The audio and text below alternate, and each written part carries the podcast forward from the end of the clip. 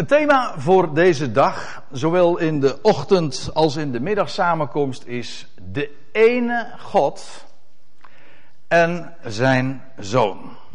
En als ik het zo formuleer, dan geef ik, denk ik, met, dit, met deze titel ook een perfecte samenvatting in een paar woorden van waar het vandaag over gaat. Het gaat over die ene, enige God die een zoon heeft. De enige geboren zoon, daar zullen we het ook nog over hebben. En alles wat daarmee samenhangt. En ik zal u, om het meteen maar met de deur in huis te vallen, aangeven dat dit het meest fundamentele onderwerp is wat je maar kunt bedenken. Dat verzin ik niet, maar dat staat ook letterlijk zo in de schrift. Het is de Heer Jezus zelf, de Zoon van God, waarover straks meer, die dat zo ook aangeeft. We lezen in Marcus 12, dat een schriftgeleerde tot hem komt in vers 8, nou en in het voorgaande dus, dat zal vers 6, 27 zijn. En die vraagt hem deze vraag. Welk gebod is het eerste van alle? Als je dat aan een Jood vraagt, is dat geen moeilijke, moeilijke vraag.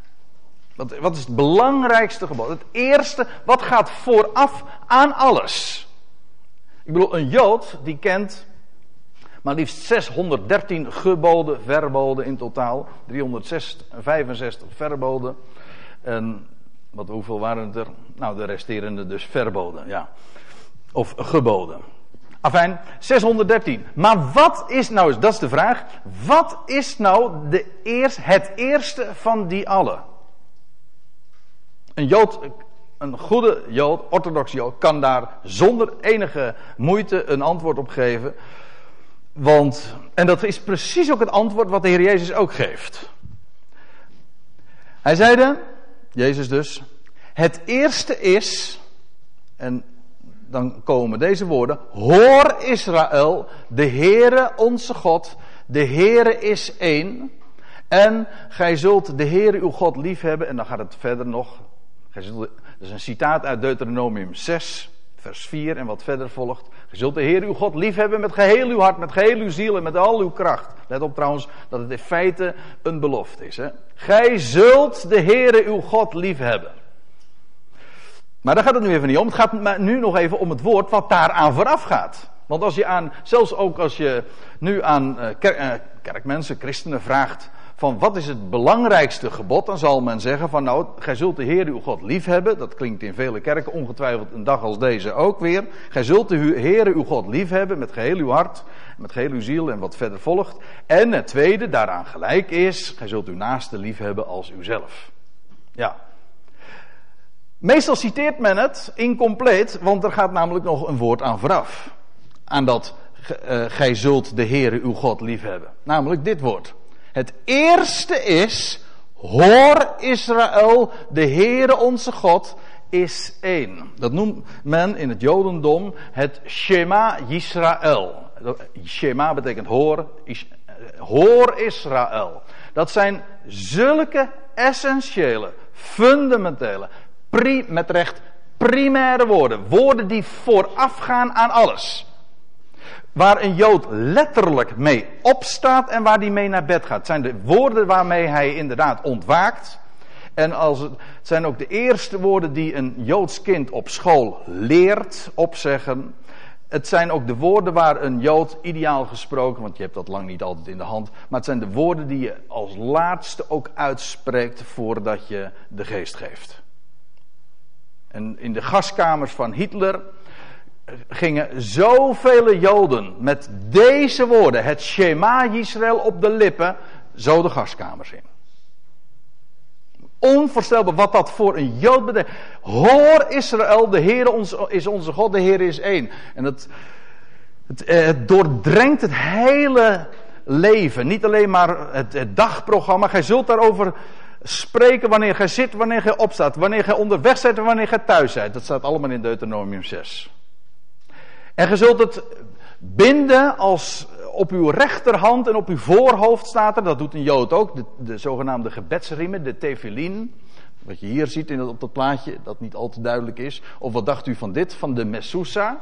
Daar zit een kokertje in, met daarin de tekst van de Torah, dat stukje tekst van, de, van het Shema, Israël. Hoor Israël, de Heer is onze God. En als ze dus het huis binnengaan, dan raken ze even de, de Mesousa aan, om daarmee aan te geven van ja, wanneer je naar het huis binnengaat, wanneer je het weer verlaat, je denkt aan die woorden. Hoor Israël, de Heere is onze God, of Yahweh, nou ja, dat zijn dus dan weer de naam die een Jood dan weer niet wil, uitspreken, eh, wil uitspreken, ten onrechte, maar daar gaat het nu niet om. Maar het gaat om die woorden, oh, de Heere is onze God, de Heere, de Heere is één.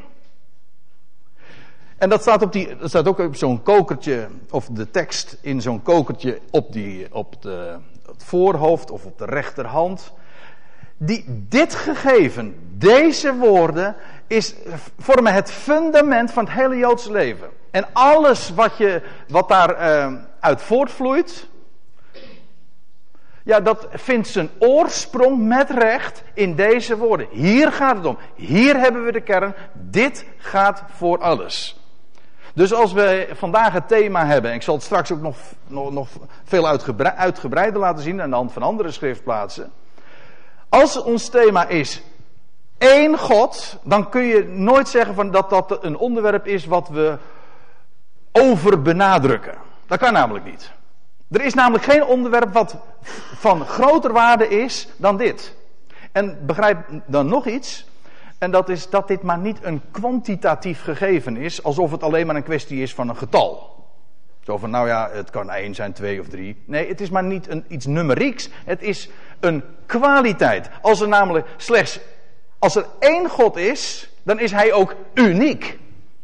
Zodra er al meerdere zijn, of het, zelfs al zijn het er maar twee of drie, dan is hij niet meer uniek.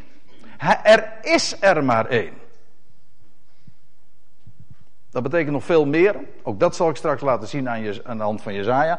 Maar ziet u, als aan de zoon van God gevraagd wordt, een Jood, een rabbi, hè, want zo ging hij rond, hij leerde in hun synagoge. Gevraagd, wat is het eerste van de geboden? Dan is, is dit zijn antwoord: Shema Israël. Dat, en en de, de reactie die dat dan vervolgens ook oproept, is er een van instemming. Die schriftgeleerde zegt, en de schriftgeleerde zeiden tot hem: inderdaad, meester, rabbi. Naar waarheid hebt gij gezegd dat Hij één is en dat er geen ander is dan Hij. Dus die schriftgeleerde, hoeveel conflict er ook was, en hoeveel strijd ook uh, de uitspraken van Jezus opriepen en, en, en losmaakten. Dit gegeven, dat stond volstrekt buiten discussie. Er is één God. Hij zegt dat, er, dat hij één is. Dat wil zeggen, hij is niet gedeeld, hij is niet schizofreen, hij, is niet, hij bestaat niet uit meerdere delen. Nee, hij is één. En dat er geen ander is dan hij. Let op, hij. Enkelvoud. Niet zij, niet meerdere personen. Hij, anders, anders als meerdere personen zijn, dan zou je moeten zeggen dat, dat er één God is. Uh, ja, een soort van goddelijke familie of een hemels driemanschap of zo. Ja, ik refereer natuurlijk aan dat wat we allemaal kennen. De leer van de drie eenheid. Maar dat is niet het antwoord wat hier gegeven wordt. Er is één God. En dat is het allerbelangrijkste. Hij is één. Hij is één. Eén persoon dus. En er is ook geen ander dan hij. En dat is het allerbelangrijkste. Logen dat en je, hebt niks, je had niks over. Ziet u hoe belangrijk Jezus in deze uitspraak, deze beleidenis, het Shema Israël, tekent en naar voren brengt. En dit is wat je dan vervolgens, ik zei, dit is een citaat uit Deuteronomium 6, maar dit is wat je vervolgens ook in heel de Tenach weer tegenkomt. En trouwens, ook in het Nieuwe Testament is daar volstrekt op gebaseerd trouwens. Dit is het Nieuwe Testament. Waaruit dus volgt dat wat Jezus hier zegt een volkomen bevestiging is van dat wat in de Tenach al als vanzelfsprekend bekend geacht werd. Nou, een, een, woord, ook uit Deuteronomium, twee hoofdstukken eerder, daar staat, opdat, dat zegt de Heer, God zelf, opdat gij zoudt weten, of was het, waren het de woorden die Mozes tot zijn volk sprak, dat weet ik even niet, maar in elk geval in vers 35 van Deuteronomium 4 staat, opdat gij zoudt weten, dat de Heer, Yahweh, de enige God is en dat er geen ander is behalve Hij. Eén persoon, één iemand, Hij. Jesaja 43, daar zijn, dat zijn woorden die God zelf spreekt, bij monden van Jesaja weliswaar. Maar niettemin, hij, hij spreekt in de eerste persoon enkelvoud, voor mij is er voor mij, ik moet de nadruk goed leggen, voor mij is er geen God geformeerd en na mij zal er geen zijn. Ik, niet wij, ik, ik ben Yahweh, de Heere. En buiten mij is er geen verlosser. U zegt, maar wat is het? Is het niet Jezus de verlosser? Maar nu even wat anders. Dat is, als je Jezus in het Hebreeuws schrijft, dan krijg je dit. Jehoshua. Maar weet u wat Jehoshua betekent? Dat is de Griekse vorm, en dat, dat weer vernederlandst, dat is Jezus. Maar dat komt gewoon van Jehoshua. En dat betekent, Yahweh is redder. Dat is precies het woord, eh, of het, werk, ja, het woord wat hier ook gebruikt wordt in Jezaja 43. Verlosser, redder. Dus de naam van Jezus drukt uit, Yahweh is verlosser. En hoe verlost God? Wel, door hem. Maar het benadrukt slechts, juist de naam van Jezus benadrukt, er is één verlosser, namelijk Yahweh, de Heere. Dat is de naam van Jezus namelijk. En hij verlost inderdaad door zijn zoon, maar daarover straks nog meer.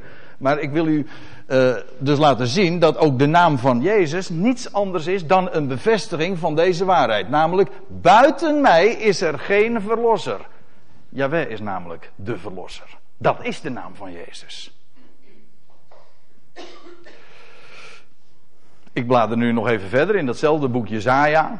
Nou, Jesaja, ik mag wel zeggen, is een van de grote kroongetuigen van deze waarheid. Heel de schrift spreekt ervan. Want ik zal ik, u vertellen, ik heb me bij de voorbereiding, uh, dat was misschien wel de grootste klus nog, uh, enorm moeten beperken. Namelijk, ja, ik kan het namelijk in alle Bijbelboeken laten zien. Heel de schrift getuigt hiervan. Is volstrekt eenstemmig. Ik moet ook zeggen, het is buitengewoon simpel, met recht. Hè? Simpel betekent eenvoudig. Eenvoudiger dan de waarheid dat er één God is en dat er geen ander is dan Hij alleen, is er niet. Je kunt het complex maken. Dat is waar. Daar weet ik alles van. Maar ik wil u vandaag graag laten zien hoe eenvoudig, hoe kostbaar ook de waarheid is. Hoe uniek met recht onze God is. Met recht uniek. Er is er namelijk maar één. Er is geen woord Frans. Nou ja, u zou eventueel kunnen zeggen Hebreeuws. Maar ik bedoel, je kan, je kan dit gewoon zo duidelijk maken. Een kind begrijpt dit. Dit is namelijk simpel. Ik sterker nog, op het moment dat dit complex gaat worden, dan zouden alle waarschuwingslichten moeten gaan branden en alle belletjes gaan rinkelen. Want dan weet je, je wijkt af van de waarheid. De waarheid is namelijk eenvoudig. Er is één God. Ik ben de Heere, er is geen ander. Buiten mij is er geen God. Ja, hoe vaak en hoe duidelijk eh, kun je iets zeggen? Buiten mij, niet buiten ons. Buiten, ja, ik geef toe, God spreekt soms ook inderdaad drie, vier keer in het Oude Testament als ons. De zogenaamde majesteitsmeervoud. Dat kent u toch, hè? Wij, koningin der Nederlanden. Dat is de majesteit. Goed, maar normaal gesproken is het altijd, hier ook, ik. Ik ben de Heer. Er is namelijk geen ander. Buiten mij is er geen God. En dan even later Vers 6, opdat men het weet, waar de zon opgaat in het oosten. En waar zij ondergaat. Ja, ik weet even niet hoe ik nu sta hier, maar. ja, dan moet ik me even oriënteren. Dat weet je wat het is, hè? Dat is je op het oosten richten, maar waar dat is, weet ik even niet. Ik ben ook geen moslim, voor mij speelt dat ook niet zo'n grote rol. Opdat men het weten, waar de zon opgaat en waar zij ondergaat, dat er buiten mij niemand is. Dus ook hier zie je, het is niet alleen maar een waarheid die voor Israël essentieel was, primair. Namelijk dat er één God is en dat er geen ander is dan Hij alleen. Nee, maar men zou het weten van eh, in het verre oosten en in het verre westen. Kortom, overal waar de zon maar zijn licht laat schijnen, dat men allemaal zou, iedereen, allemaal en dat iedereen zou weten dat er buiten mij niemand is. Ik ben de Heer. Er is geen ander. Ik ga iets te ver. Dan staat er nog vers 7. Ja, over controversieel. Ik bedoel, een waarheden kunnen zeer simpel zijn, maar ook zo controversieel. Hm? Controversieel betekent zoveel strijd oproepend. Zo, zoveel. Ja, hoe zullen we dat zeggen? Zoveel weerstand oproepend, ja. Eh, neem nou alleen dit vers. Waar ik trouwens ook mee wil laten zien dat deze waarheid van de enige God. inderdaad maar niet een numeriek of kwantitatief gegeven. Het is kwaliteit. En het is zo essentieel, want als er namelijk één God is. Nou laat ik het lezen, vers 7. De Heer zelf is aan het woord. Ik. Hè, die het ik, er is geen ander. Die het licht formeert en de duisternis schep. Dat is trouwens wel mooi. Licht, is, licht formeert God. De duisternis schept hij. Voor, om de duisternis te scheppen heb je trouwens niks nodig. Hè? Nee, als er niks is, dan is het gewoon duister. Dan hoef je alleen maar het licht weg te nemen, dan is het duister. God schept, maar hij formeert licht. Dat geldt trouwens voor goed en kwaad ook. Kwaad is niet iets, niet iets, nou moet ik goed zeggen, kwaad is niet iets Kwaad is juist het ontbreken van iets, namelijk van het goede. Als het goede ontbreekt, dan is het kwaad. Dus, dus altijd een, eigenlijk een, een gebrek dus, ja. Dat, dat geldt voor duisternis, dat is voor kwaad ook. Ik, die het licht formeer en de duisternis schept. Het is dus niet een God van het licht en een God van de duisternis. Nee, inderdaad, God enkel licht. Nou, nou citeer ik een lied trouwens, moet je mee uitkijken. Dat weet ik.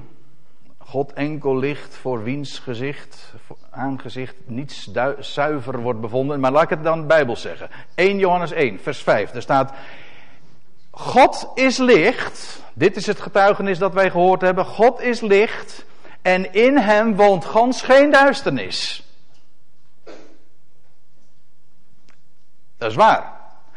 In, in hem is geen duisternis, maar hij is niettemin de schepper van duisternis. licht en duisternis, hij formeert het licht en hij schept de duisternis. Die het heil bewerkt, nou letterlijk staat er die vrede maakt. En het onheil schept. De vertalers hebben het willen afzwakken door onheil, maar er staat gewoon letterlijk die het kwade schept. Is God de auteur van het kwade? Nou, daar, kan je, daar weet ik toevallig uh, ook uit ervaring. Daar kun je heel veel mee, ook weerstand mee oproepen. Maar het zijn niet mijn woorden. Het is God zelf die dat zegt. Hij zegt: Ik ben de enige.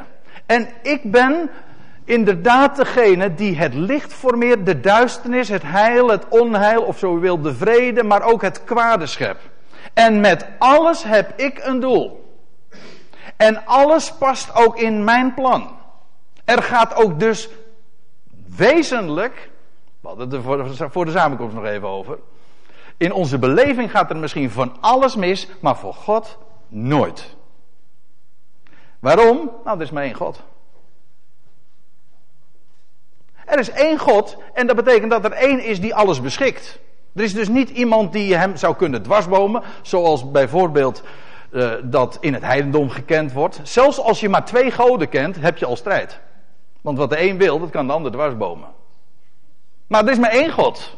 Nou ja, er zijn goden in menigte, zegt Paulus. Dat is waar. Maar dan praten we natuurlijk eh, in, even in andere termen. Voor ons nogthans, dat ga ik straks trouwens nog laten zien. Is er maar één God. De Vader, precies. Ziet u? Ik, de Heere, doe dit alles. Er is er één die alles beschikt. En dus, en dat is de geweldige waarde. Dan zie je dat het maar geen theorie is. Dan zie je, en als je eenmaal deze waarheid resoneert in je hart, als hij je ogen hiervoor opent, dan gaat er zo'n enorme licht stralen. Want dan ga je beseffen dat er één is die alles, die de oorsprong is van alles, maar dus ook de bestemming. Of met de woorden van de apostel Paulus in Romeinen 11, maar u vindt het op meerdere plaatsen. Uit hem is alles. Er is maar één bron. Er is maar één God. Voor hem is er nooit een God geweest en na hem zal er ook nooit meer één geformeerd worden. Er is maar één God. Hij is de bron van alles. Uit hem zijn alle dingen. Door hem zijn alle dingen. Dat wil zeggen, hij geeft alles een plek. Op zijn tijd, op zijn wijze. En tot hem zijn alle dingen. Dat wil zeggen, hij is ook weer het doel. Zodat hij de bron is, maar ook de eindbestemming. Er, is maar één God, maar dat betekent ook, er is ook maar één doel. Dat is trouwens een mooi, de mooie titel van een boek dat ik, nee, de titel van een mooi boek dat ik ken. Ook een mooie titel, ja. Het ene doel van God, van Dr. Anders Jan Bonda. Hij leeft niet meer, maar hij heeft een prachtig boek nagelaten. Het ene doel van God, waar hij, hij vertelt dat God inderdaad de schepper is van alles, maar ook net zo goed de redder is van alles. Hij heeft namelijk maar één doel. Er is namelijk ook maar één God. Zie je trouwens dat die waarheid, dat hij alles omvat en alles terechtbrengt, alles te maken heeft met de waarheid dat er maar één God is. Op het moment dat je namelijk daaraan gaat aan sleutelen, dan ga je dus ook die, die eindbestemming eh, niet meer zien. Dan, dan, kunnen namelijk, dan kan er, als er twee goden zijn, nou, dan kan de ene God de andere dwarsbomen. Ze zeggen van ja, dat, dat kunt u wel willen, maar uh, dat kan ik dwarsbomen. En ik denk wel eens een keertje, wat er vaak verteld wordt, helaas ook op kansels, is dat men dan vertelt dat er eigenlijk vele goden zijn. God wil dat, al, God wil dat alle mensen gered worden. Ja, dat kan hij wel willen, maar uh, wij hebben toevallig zelf ook nog even een wil. Hm? Ik heb gisteren, nou, het was leuk. Uh, ik had het net eerder uh, in deze bijeenkomst dat ik over een, over een radio-interview dat ik over het aantal dagen mag geven. Maar gisteren zag ik op, ik, had een aankondiging daarvan gelezen, op de televisie een, van de EO. Een, een gesprek, een, kort, betrekkelijk kort gesprek met ene Rob Bell. Nou ja, ik zeg ene Rob Bell, dat is ook een, bekende man in de Amerikaanse wereld. Die heeft ook een boek geschreven met ook een prachtige titel: Love Wins. De liefde overwint. En waarin hij naar voren brengt wat ik nu ook vertel, namelijk dat Gods liefde overwint. Alleen heel, helaas zet hij daar nog weer een heel bosje vraagtekens bij. Hij, hij hoopt dat God uit zijn liefde uiteindelijk alles overwint. Maar hij durft het niet zo te zeggen. Ik begrijp ook heel goed waarom, want het levert een heleboel ongein en smaad op. Dat is ook precies de reden, maar love wins, inderdaad. Eén God. Eén iemand die het goede in handen heeft, maar ook het kwade schept. En ook met het kwaad een bedoeling heeft. De Heere staat er in Spreuken 16. De Heere heeft alles gemaakt voor zijn doel. Zelfs de goddeloze voor de dag des kwaads. Dacht u dat er iets misging? Nee. God zij dank niet. waarom niet? Er is maar één God. Ziet u, alleen als je weet dat er één God is, heb je vrede in het hart. Kun je ook vreugde hebben. Kan je ook verheugen in, in de toekomst. Niet alleen maar omdat God, God wil dat alles goed. Nee, er, is niemand die hem daarvan kan tegenhouden. Men zingt dat ook in een lied. Hè. Het lied zingt graag mee. Heel hard. Heel hard, ja. Ja, ik bedoel van harte. Mijn hart met een T, maar ook mijn hart met een D. Dat is wat zijn liefde wil bewerken, ontzegt hem zijn vermogen niet. Dat wil zeggen, als hij iets voornemens is, als hij iets in het hart heeft, dan doet hij dat gewoon. Waarom? Gewoon, nou, er is er maar één die, die de dingen bepaalt en beschikt. En plant en bestemt en ook realiseert. En wij dan? Wij zijn schepseltjes van hem. Waar hij iets geweldigs mee voor, maar we zijn schepsel. Er is, en hij is de schepper. En daarvan is er maar één. Prijs God. Er is één God, één schepper, één redder, een ander is er niet. En goed en kwaad heeft hij allemaal in handen. Dat betekent ook, sommige mensen zeggen van, nou, dat is als je God uh, gelooft dat God de schepper is van het kwaad, wat hij notabene zelf zegt, wie ben jij of wie ben ik om dat te ontkennen. Als je zegt dat hij de, schepper is van het kwaad, dan, uh, dan, uh, dan geef je het kwaad. Nee, dan, dan, dat is kwaadspreken van God. Maar het is precies omgekeerd. Het betekent namelijk, als hij de schepper van het kwaad is, dan is het kwaad in goede handen. Denk daar maar eens over na. Dan kan er onheil zijn, ja, maar het is in goede handen. Hij heeft dat gemaakt voor zijn doel. Ook de zonde, het kwaad, de grootste ellende, heeft allemaal een plaats in zijn plan. Eén God. Ik, de Heere, doe dit alles. En gans het volk zei, Amen. Ja, dat is, de, iedereen zou dit weten. Van waar de zon op God gaat tot waar zij ondergaat. Ik, ga, ik moet snel verder gaan. Uh, Malachi 2. Nou zijn we inmiddels aan het einde van het, de Tenach gekomen. Tenminste van onze, nou ik zeg Tenach, ons Oude Testament. Het laatste Bijbelboek in eh, het Oude Testament. Daar staat ook de retorische vraag. Hebben wij niet allen één vader? Dat wil zeggen één oorsprong van alle dingen. Eén vader. Heeft niet één God ons geschapen? Het antwoord is uiteraard. Het is retorisch hè. Er is maar één God. Namelijk de Vader. God heeft geen vader. Hoort u wat ik zeg? God heeft geen vader. Hij is de vader. En er is er ook maar één. Goed. Zo'n andere geschiedenis. We zijn inmiddels in het Nieuwe Testament aangekomen. Er komt een schriftgeleerde. Uh, uh, niet al te bedachtzaam tot Jezus. En die zegt dan in Marcus 10. En toen hij op de weg, uh, hij dat is Jezus, op weg ging, liep iemand op hem toe, viel op de knieën en vroeg hem: Goede meester, wat moet ik doen om het eeuw, Ionische leven, dat wil zeggen het leven van die toekomende eeuw. Het eeuwige leven, zo u wilt. Het eeuwse leven is beter, maar goed. Het eeuwse leven te beërven. En weet u wat Jezus dan zegt? En Jezus zei tot hem: Waarom noemt gij mij goed?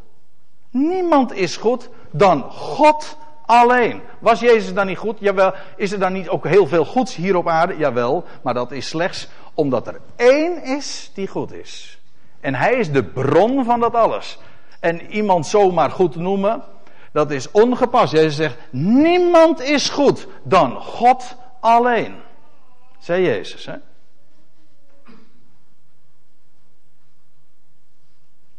Goed, we gaan weer verder. Uh, ja, 1 Timotheus 1. Dan zijn we inmiddels in de brieven van Paulus terechtgekomen. Over, het gaat nog steeds over de waarheid van de enige God. Dat is een lofzang. Dus eh, de brief gaat nog veel verder, want de brief is eigenlijk nog maar net begonnen. 1 Timotheus 1, dus volgen nog vijf hoofdstukken. Maar dan, staan in vers, dan onderbreekt Paulus zijn betoog en dan zegt hij: De koning der Ionen. Ionen is een Grieks woord. Dat wil zeggen de wereldtijdperken. De, de, koning der eeuwen staat in onze vertaling, daar heb ik geen bezwaar tegen hoor. Alleen je moet bij eeuwen dan niet denken aan tijden van 100 jaar. Dat is een misverstand. Trouwens, dat heeft het bij ons ook eh, lang niet altijd. Als we het hebben over de Gouden Eeuw, hebben we het ook niet over een periode van 100 jaar. Gewoon een tijdperk. De God, de koning van de wereldtijden, zo u wilt. De, de koning der Ionen. De onvergankelijke. De onzienlijke de enige God. Weet u wat hier staat? Ja, dat is, dit is Grieks. Sommige mensen uh, herkennen het. Nou, dit is uh, al makkelijk te herkennen. Hier staat monotheo. Dat wil zeggen, waar ons woord monotheïsme vandaan komt. De enige God. Het woord monotheïsme is afgeleid van deze, van een, Grieks, van een Griekse woorden. De enige God. Eén God. Sterker, de enige God. Wie is die enige God? Dat is de onvergankelijke. Die dus niet vergaat, die dus ook niet kan sterven. De onvergankelijke God kan niet sterven, want dan zou die namelijk niet onvergankelijk zijn. Ik kan ook niet gezien worden. Johannes zegt in zijn brief, nee, ja, in zijn brief, maar hij zegt ook in zijn evangelie, trouwens staat op heel wat plaatsen hoor, in het Oude Testament ook. Niemand heeft ooit God gezien. Hij is namelijk de ongeziene God, de onzienlijke God. Zodra je iets ziet, dan is het niet God meer. Wie is de enige God?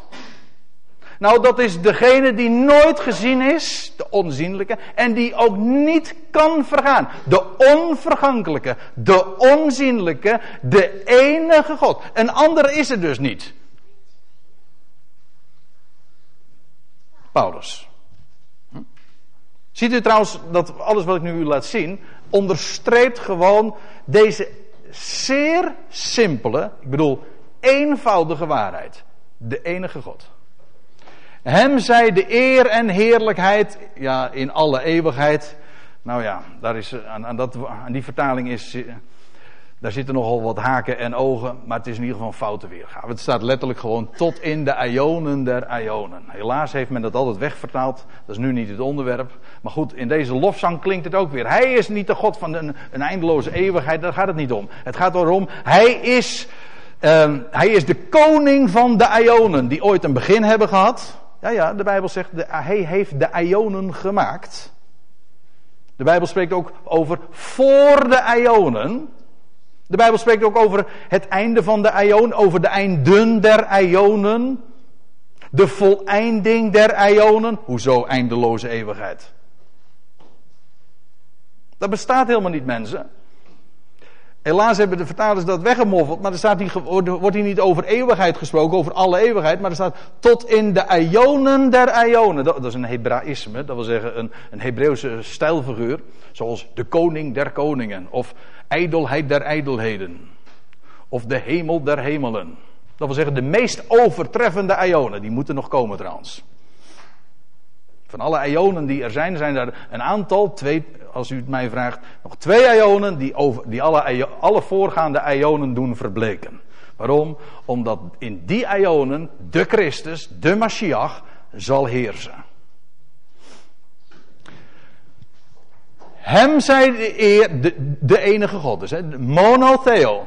De enige God, zij eer en heerlijkheid. Tot in de ionen der ionen. Amen. Dat wil zeggen, welke wereldtijdperken er ook nog mogen komen, Hem zij de glorie. En Hij alleen. De enige God. Dat was Paulus. Dan, ga ik, eh, dan, gaan we nog even naar Judas. We hebben nou inmiddels al heel wat getuigen zo eh, gehoord. We hebben Jezus zelf aan het woord gelaten. We hebben Mozes gehoord, we hebben Jezaja gehoord, nu Paulus en nu, nu is het Judas die dan vervolgens zijn brief afsluit. Dan zegt hij, de enige God, weer hetzelfde woord trouwens. Exact hetzelfde als wat Paulus ook gebruikte in 1 Timotheus 1. De enige God, onze heiland, dat wil zeggen onze redder, zij door Jezus Christus, onze Heer, heerlijkheid, majesteit, kracht en macht ja, en dan heb je weer diezelfde uh, weergave. Daar gaat het me nu even niet om. Er staat dan letterlijk, ik lees het meteen zoals het er staat. Kracht en macht voor heel de Ion en nu en tot in al de Ionen. Amen. Ziet u dat als, dit, als de God ter sprake komt, de enige God, dat dat meteen leidt tot een lofzang. Want hij is, er is er maar één. Het gaat er ook maar om, om in het hele leven gaat het maar om één ding. En dat is deze woorden op de lippen te nemen. Hem te verheerlijken. Een andere zin heeft het bestaan niet. Al het andere zijn hooguit voortvloeisels daaruit. Maar het gaat maar om één iemand. Die aan het begin staat, die aan het eind staat en ondertussen, gewoon in het, in het traject daartussen zeg maar, alles beschikt en alles in handen. Eén. Uit hem, door hem, tot hem, hem, één, de één persoon dus. Hè? Tot hem, niet tot zij, één. Uit hem, door hem, tot hem zijn alle dingen. Dat wil zeggen, het al. Hem, Paulus zegt dan ook in Romeinen 11, vers 36, hem zij de heerlijkheid tot in de ionen. Amen. Altijd weer die, die schitterende beleidenis van die ene en ook enige God. Hij is het.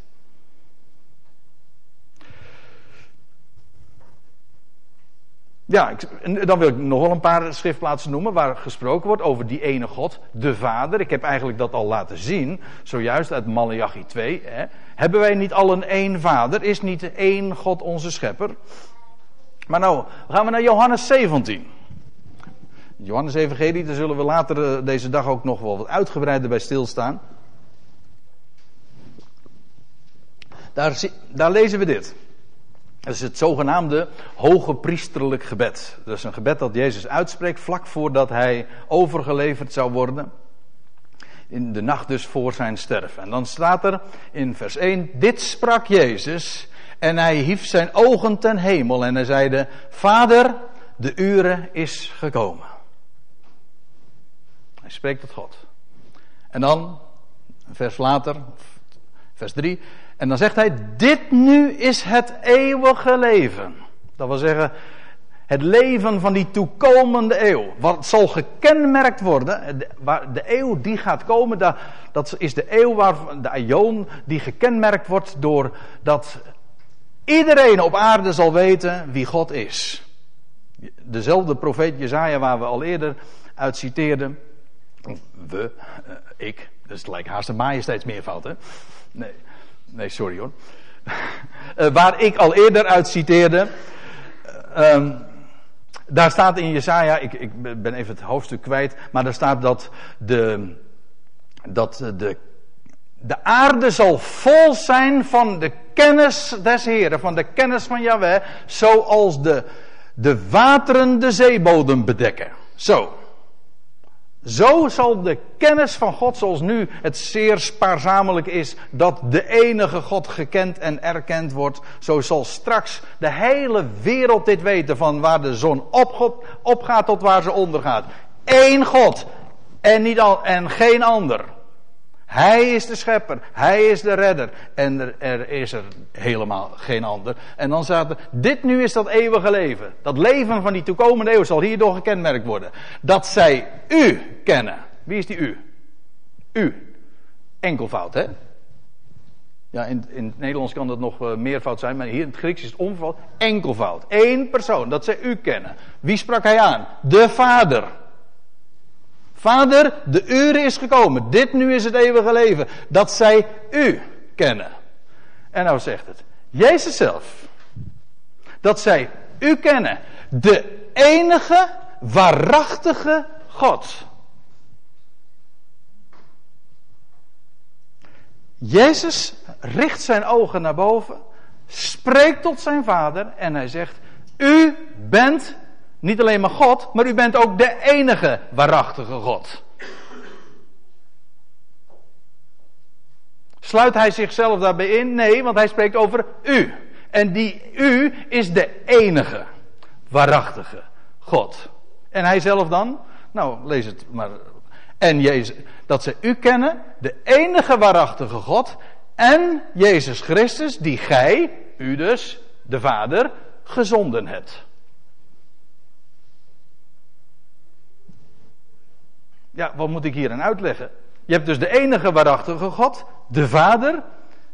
En het eeuwige leven wordt daardoor gekenmerkt dat ieder zal weten dat wie de enige waarachtige God is, maar ook Hem te kennen die Hij, de enige waarachtige God, de Vader, gezonden heeft, namelijk Jezus Christus. Jezus betekent de Heere is redder. Christus betekent, is de Griekse vorm van de Mashiach. De beloofde Messias. Dat ze dus de enige God kennen en hem die hij, die enige God, gezonden heeft. En er komt een tijd, een aion, waarin dit gewoon uh, common sense is. Nee, dat is niet het juiste woord. Maar uh, ja, in elk geval, dit wordt, ieder zal dit weten. Elk mens zal dit erkennen. Alle volkeren zullen hier uh, van getuigen en dit bezingen. En er zijn er die dit nu ook al mogen weten. Trouwens, ik moet erbij zeggen, uiteindelijk, diep in het hart van elk mens, is daar deze waarheid van die ene God. Elk mens, zegt Paulus ook in Romeinen 1. Dus dat de mens weet dat er één God is. Die waarheid wordt altijd, zoals dat met een mooi woord heet, geperverteerd. Dat wil zeggen verdraaid. Dus de essentie van het heidendom is dat men de waarheid van de ene God vervangen heeft door het meer te maken. Meerdere goden. Dat kan een heel pantheon zijn. Oh ja, ja.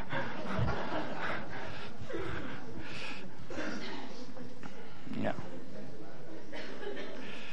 Uit de, uit de, uit de, uh, ja, ja, die bevestiging van een kind, die mag ik graag horen, ja. Grote mensen willen me nog wel eens tegenspreken, maar kleine kinderen. Nee, is het over deze dingen? Ja, inderdaad, zo is het. Dat zij, um, maar nou ben ik weer even de draad kwijt.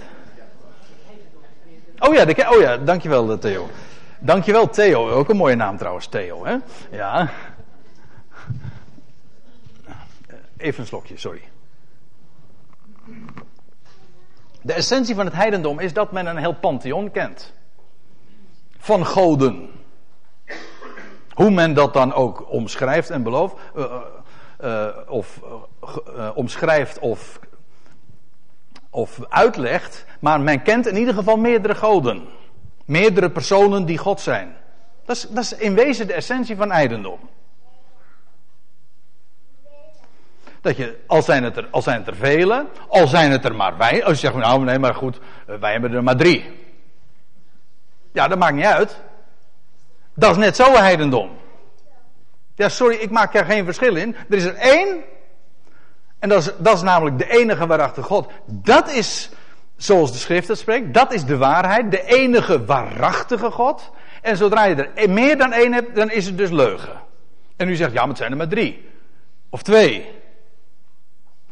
Ja, als zijn het er honderd, het is er niet meer één. Het is namelijk niet een, een, een, kwantitatieve kwestie. Zo van, nou, als je er twee hebt, dan zit je dichter bij de waarheid dan wanneer je zegt, het zijn er vier. Nee, het gaat erom, het is er één of het zijn er meer. En hoeveel die meer zijn, dat maakt helemaal geen enkel verschil. Je hebt er dan namelijk geen één meer. Ja, met recht, geen één meer, ja. Dan ben je die ene nog ook kwijt ook. heb je er veel, maar je bent, bent in werkelijkheid, je bent de ene kwijt. De enige namelijk. Dit zijn woorden die Jezus Christus zelf heeft gesproken. Valt bijna niks aan uit. Ik kan het alleen maar laten zien.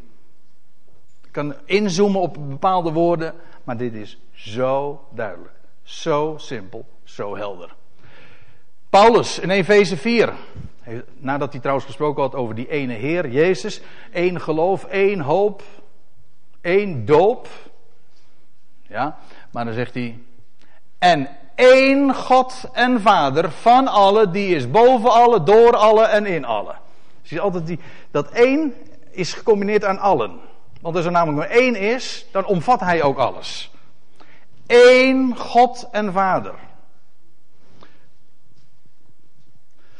Nou, kan ik nog even doorgaan hoor. 1 Korinthe 8. Dat is, dat is, ook een prachtig vers in dit verband. Dan zegt Paulus, eh, nadat hij gezegd heeft, ja inderdaad, er zijn goden in menigte. Spreekt de Bijbel ook over, over de God der goden. Er zijn vele goden. Zelfs mensen worden bij gelegenheid God genoemd. Maar dan met een, ja in Nederland zeg je dan een kleine letter. Maar weet u wat het, eh, punt is? Een God, het woord God betekent eigenlijk gewoon een beschikker. Dat kan zelfs gewoon een rechter zijn. Of een koning die hoog geplaatst is, die de dingen dus kan beschikken. Dat is dan een God. God staat in de vergadering der goden, ja. Maar dan, wat de Bijbel dan altijd benadrukt, is het levensgrote verschil tussen die goden en die ene God. Die de vader is van dat alles, dat wil zeggen de oorsprong. En dan zegt Paulus, want ik had eigenlijk het, het voorgaande er ook eventjes bij het citaat moeten betrekken. Maar goed, ik zal, u kan het nalezen, maar er staat. Uh, hij zegt, uh, al zijn er goden in menigte. En inderdaad zegt Paulus, daar zijn goden in menigte. Voor ons nogthans is er maar één God. Niet drie goden, of ook niet drie eenheid. Er is maar, weet dat hele woord. Ik ben vandaag niet tegen iets aan het vertellen. Ik wil u gewoon laten zien wat de schrift zegt. Maar ik kan het soms toch niet nalaten om het contrast te, te tekenen over, naar, naar wat men daarover zegt. Er is, Paulus zegt, voor ons nogthans is er maar één God. Namelijk de Vader. Weet u dat we die, die term één God, de Vader, of God de Vader, die komen we tientallen keren tegen in de Bijbel. God de Vader. En hier zegt Paulus, die, die Vader, dat is de ene God, de enige waarachtige God. En weet u hoe vaak we de term God de Zoon tegenkomen? Nooit. Niet één keer. Dat is een verdraaiing van de waarheid. Hij wordt zo vaak, tientallen keren. Nou, ik ben, bang dat ik mager in mijn uh, beschrijving ben nu, in mijn telling. Maar hij wordt zoveel keren genoemd. De zoon van God. Maar nooit de term God de zoon is volstrekt vreemd aan de Bijbel. Want er is namelijk, Paulus zegt, voor ons nogthans is er maar één God, de Vader. En de zoon dan? Dat is niet God de zoon. Want als hij God de zoon is, is hij niet meer de zoon van God. Begrijpt u wel? Hij is de zoon van, van God. Als, maar er maar één God de vader is, kan het dus nooit God de zoon zijn. Ja, ik, ik, ik ga het nou niet nog meer uitleggen, want ik, dan ben ik bang dat ik het complex maak. Dit is namelijk simpel. Er is maar één God, de Vader. Uit wie alle dingen zijn. Dat wil zeggen, de bron van alles. En staat er één Heer, daar wil ik vanmiddag meer op eh, ingaan. Jezus Christus. Ziet u dat dat ook onderscheiden wordt? Eén God, de Vader. Uit wie alle dingen zijn. En één Heer. Uh, oh, pardon, ik citeer het niet helemaal goed. Uit wie alle dingen zijn en, wij, en, en tot wie wij zijn. En één Heer, Jezus Christus, door wie alle dingen zijn en wij door Hem. Waarbij het idee is dat God de bron is en Jezus Christus het kanaal is van alles. Ik, dat is meer het onderwerp van vanmiddag, maar in ieder geval eh, hebben we bij deze al een, mooie aanzet gegeven. Eén God, de Vader, onderscheiden van Jezus Christus, de ene Heer. Door wie alles gebeurt. Let op het belang van op, op, op deze verschillende voorzetsels. Uit en door de God en Vader is de bron, de, degene uit wie alle dingen zijn. En Jezus Christus is het kanaal, het instrument, de wijze waarop hij dat realiseert. Door wie alle dingen zijn. Ja? Goed. Ja, nou komen we automatisch bij uh, dit onderwerp uh, uit, maar daar heb ik al wat over verteld. De Zoon van God. Nou, om meteen ook even de link nog te vast te houden met waar we het, waar we het zojuist over hadden. Paulus, prachtige woorden in 1 Timotheus 2. Een van Paulus' mission statements ja, hou ik wel, van het woord hou ik wel. Dat wil zeggen, waar, waar, als hij, soms, er zijn een paar gelegenheden waarbij hij gewoon in een paar korte bewoordingen aangeeft waar het in zijn missie, waar het in zijn bediening, in zijn arbeid allemaal om te doen was. Het begint hier met want, maar er gaat de vers nog aan vooraf. Maar daar had ik het al even over. Daar staat, want er is. Uh, nee, God, onze redder, die wil dat alle mensen gered worden. En komen tot erkentenis der waarheid. Dat staat in 1 Timotheus 2, vers 4. Dat is nu verder niet het onderwerp, maar het gaat er maar even om. God is de redder en hij wil dat alle mensen gered worden. Gaat hem dat lukken? Nou, als er meerdere goden zijn, dan is dat nog maar de vraag, want ja, dan kan de een de ander dwarsbomen. Maar als er maar één God is, dan kan het niet missen. Want, zegt de Paulus, er is één God. En ook één middelaar. Wat is de unieke heerlijkheid van Jezus Christus? Dat hij, de, dat hij God is? Nee. De, nee, hij is niet de ene God. Hij, zijn unieke heerlijkheid is, is dat hij de middelaar is. Dat wil zeggen, degene die de verbinding aanbrengt tussen God en mensen. De middelaar van, er staat letterlijk van God en mensen. Dat wil zeggen, God komt tot de mensheid, tot deze wereld, door Jezus Christus. Of Christus Jezus moet ik hier zeggen. En omgekeerd moet ik ook erbij zeggen, de mens komt tot God ook door Christus Jezus. Vandaar ook dat je leest altijd in de gebeden, kijk het maar na in de Bijbel, is het altijd zo dat wij bidden tot God, de Vader. Ik lees nooit dat je bidt tot Jezus, maar wij, wij komen tot Hem door Jezus Christus. Of in de naam van Jezus Christus. Bidden wij tot God. Altijd. Laten wij, Paulus, eh, nee, nou ja, dat is de vraag. In ieder geval de schrijver van de Hebreeënbrief. Hoofdstuk 13, vers 15, geloof ik. Ja. Laten wij dan voortdurend door hem, dat wil zeggen door de Heer Jezus Christus, uh, uh, Gode een lofoffer brengen. Dat is de vrucht onze lippen die zijn naam beleiden. Door hem brengen wij God een lof. Maar altijd daarbij is de gedachte: God en de mensheid en degene die daartussenin staat, dat wil zeggen degene door wie God tot de mens komt, door wie hij zich ook manifesteert, door wie hij ook zich kenbaar maakt. Niemand heeft ooit God gezien. De enige geboren zoon die nu aan de boezem des vaders is, die heeft hem doen kennen. Ik citeer letterlijk Johannes 1 vers 18.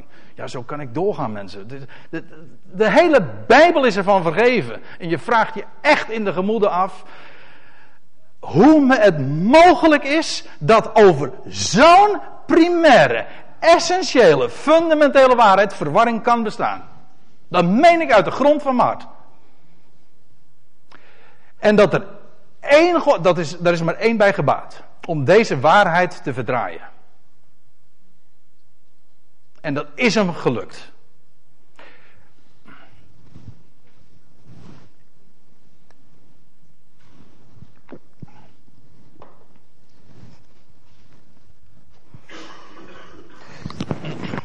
Oké.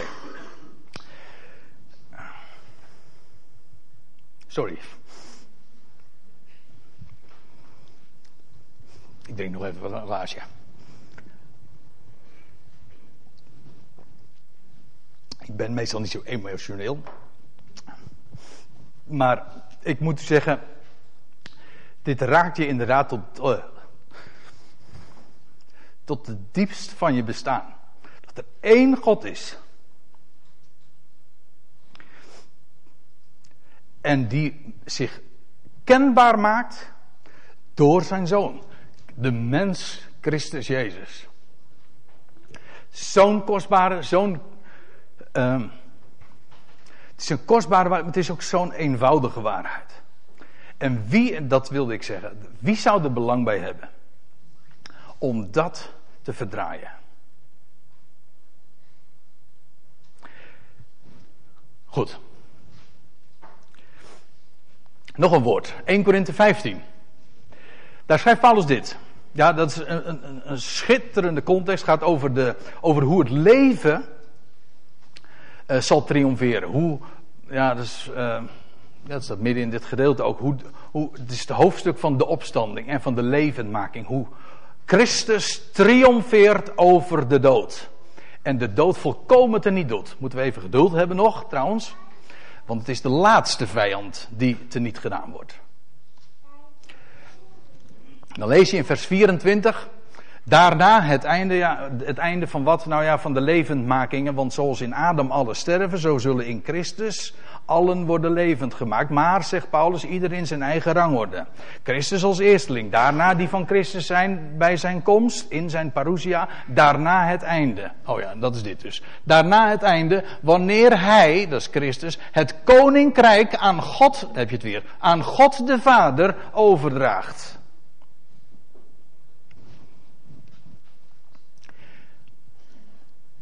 En dan, ik, ik, ik sla even één of twee versen over en dan uiteindelijk vers 28. Wanneer alles hem, dat wil zeggen de Heer Jezus Christus, onderworpen is, dan zal ook de Zoon zelf zich aan hem onderwerpen. Wie is die hem? Wel, die hem alles onderworpen heeft. Opdat God zij alles in allen. Nou, hier, worden we, eh, hier wordt ons een blik vergund in het, in het grote einddoel van God. Ik had het net over de eind, één doel van God. Het ene doel van God is dat Hij alles zal omvatten. De dood wordt er niet gedaan. En alle sterven, allen die in Adam sterven, zullen, ieder in zijn eigen rang worden, dat is waar. Maar uiteindelijk, allen zullen inderdaad worden levend gemaakt. En als dan eenmaal, ook als hij de laatste vijand niet gedaan zal hebben, de dood, dan is er dus geen vijand meer over. En dan is zijn taak gedaan. Als redder, als verlosser, als Christus, als de koning, dan zal hij het koninkrijk weer overgeven aan God de Vader, degene die hem altijd alle, die hem alles had gegeven, opdat God zij alles in allen. En daar hebben we geen idee van wat dat is. Dat God alles in alles. Gaat, het, nu, het gaat me nu even puur om deze waarheid. Dat het de, de, zoon zelf uiteindelijk terugtreedt. En alles geeft aan God de Vader. Dat is het doel. Het is de zoon nooit begonnen om zichzelf. Maar altijd om zijn God en Vader. Dat was zijn missie. Uh, nou ga ik nog even naar Lucas 1. Ja, ik zie dat ik, uh, ik, zie dat ik uh, verder moet gaan. Er zijn nog twee teksten die ik wil noemen. Uh, en dat is een woord in Lucas 1. Als we het hebben over de zoon van God. Waarom is hij de zoon van God? En sinds wanneer is hij de zoon van God? Er bestaat een perfect antwoord in de Bijbel, weet u dat? Het wordt overal bevestigd. Maar het, het, het, grote antwoord is inderdaad in Lucas 1, daar staat in vers 35. Daar zegt de boodschapper die Maria benadert en haar aankondigt dat ze zwanger zal worden. Nou ja, uh, u kent het. En dan zegt de engel antwoorden en zeide tot haar. Oh ja, ze vraagt, ze vraagt dan van hoe, hoe kan dat nou gebeuren? Hoe kan ik zwanger worden? Ik, daar ik geen man bekennen. Ik heb geen gemeenschap met een man. Hoe zou ik zwanger worden? Nou zegt, zegt uh, de boodschapper, de Heilige Geest zal over u komen en de kracht van de Allerhoogste zal u overschaduwen. Daarom zal ook het heilige dat verwekt wordt, zoon Gods genoemd worden. Geen man zou Maria bekennen, ja later wel. Ja, volgens de katholieken niet, maar uh, je zei de heilige maagd Maria gebleven, maar dat kunt u wel vergeten, want Jezus heeft later gewoon nog uh, zonen, uh, nee, pardon, broers en zussen gekregen. Maar goed, hier wordt tegen Maria gezegd, waarom dat degene die zij zou voortbrengen, waarom hij de zoon Gods genoemd wordt? Wel, het antwoord is: God zelf heeft hem in haar verwekt. Vandaar ook dat hij heet de enige geboren zoon van God. Er is, namelijk, er is van al die miljarden mensen vanaf Adam is er maar één die geboren is uit een vrouw, maar die zonder tussenkomst van een menselijke vader. Er is er maar één. Die met recht kon zeggen: God is mijn vader. Gewoon ook biologisch zal ik maar zeggen. De Heilige Geest zal over u komen, de kracht van de Allerhoogste zal u overschaduwen. Daarom zal hij, dat Heilige dat verwekt wordt, Zoon Gods genoemd worden. Dus waarom is hij de Zoon van God? Sinds wanneer is hij de Zoon van God? Wel, sinds en op grond van zijn verwekking uit Maria. Ook dat is weer zo simpel. Als we het hebben over de ene God en hebben we het over de Zoon, is hij de Zoon van eeuwigheid. Ik weet dat zijn allemaal theologische termen waar, waar u wel of niet vertrouwd mee bent. Maar het is niet conform de schrift. Hij is de Zoon van God sinds zijn verwekking uit Maria. Daarom, hij is door God zelf verwekt. En daarom werd, is hij de zoon God, de enige geboren zoon van God. En dat is eigenlijk de grote beleidenis ook. Dat hij de zoon van God was. En is. En op het moment dat je dat omkeert, dat woord gaat verdraaien en zeggen God de Zoon, dan is, hij, dan is er niet meer één God, de Vader. Nee, mensen, hou, ik ga het niet negatief zeggen. Zeg, hou gewoon vast aan deze woorden. Eén God. En zijn Zoon is Jezus Christus. Nou, dan wil ik nog een woord noemen in uh, Matthäus 1. Er staat in Matthäus 1, vers 18, de geboorte, er wordt gesproken over de geboorte van Jezus Christus geschiedde al dus. Ja, u zegt van wat is daar zo bijzonder aan? Nou, het grappige is, nou ja, grappig, uh, humoristisch is nauwelijks, maar het is wel heel bijzonder dat hier in het Grieks dit woordje staat. Genesis. Letterlijk zelfs. Letterlijk. Maar één, komt maar één keer zo in het Nieuwe Testament voor.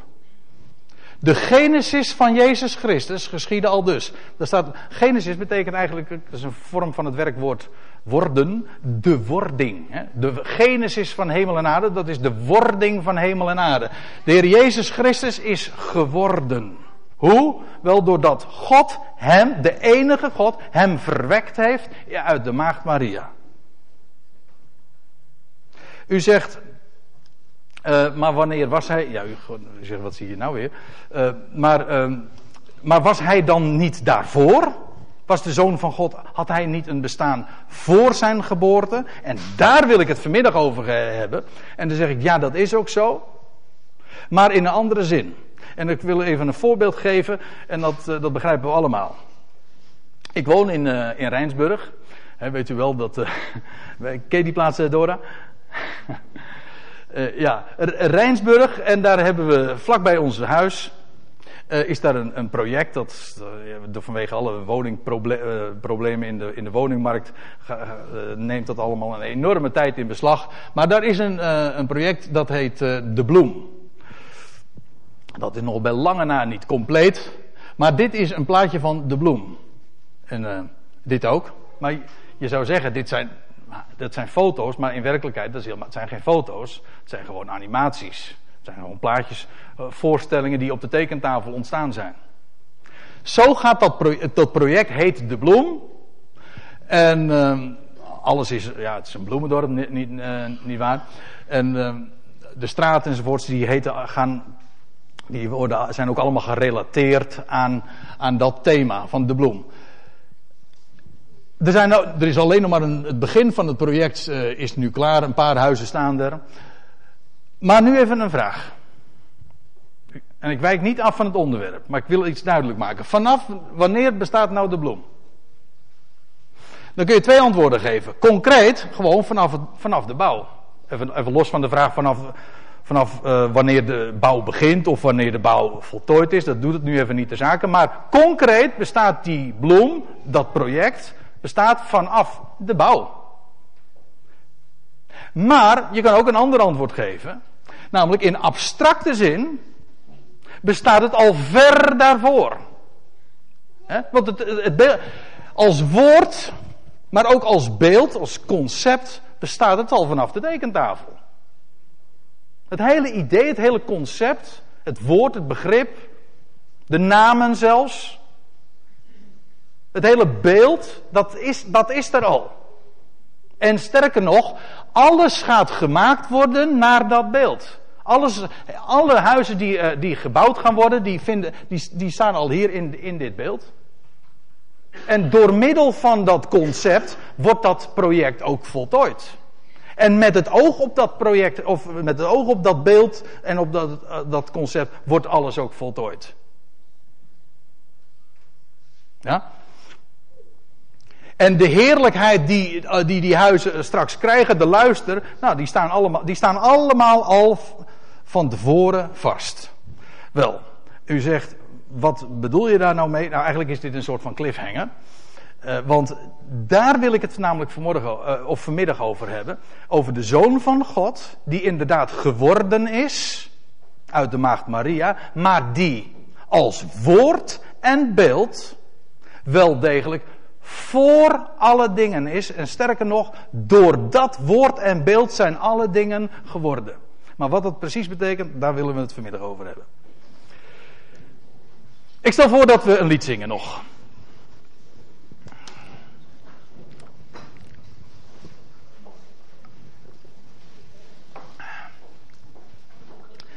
Ja, we zingen eerst even één couplet en dan wil ik nog afsluiten met dankgebed. En dan zingen we nog twee coupletten. Wil ik tevens even de gelegenheid geven voor de collecte. Maar eh, dit lied, wij zingen van Jezus. Van Hem is alle macht, want Hem is alle macht gegeven. En Hij is de Zoon van God. En wat verder volgt, maar dat doen we later. Ja.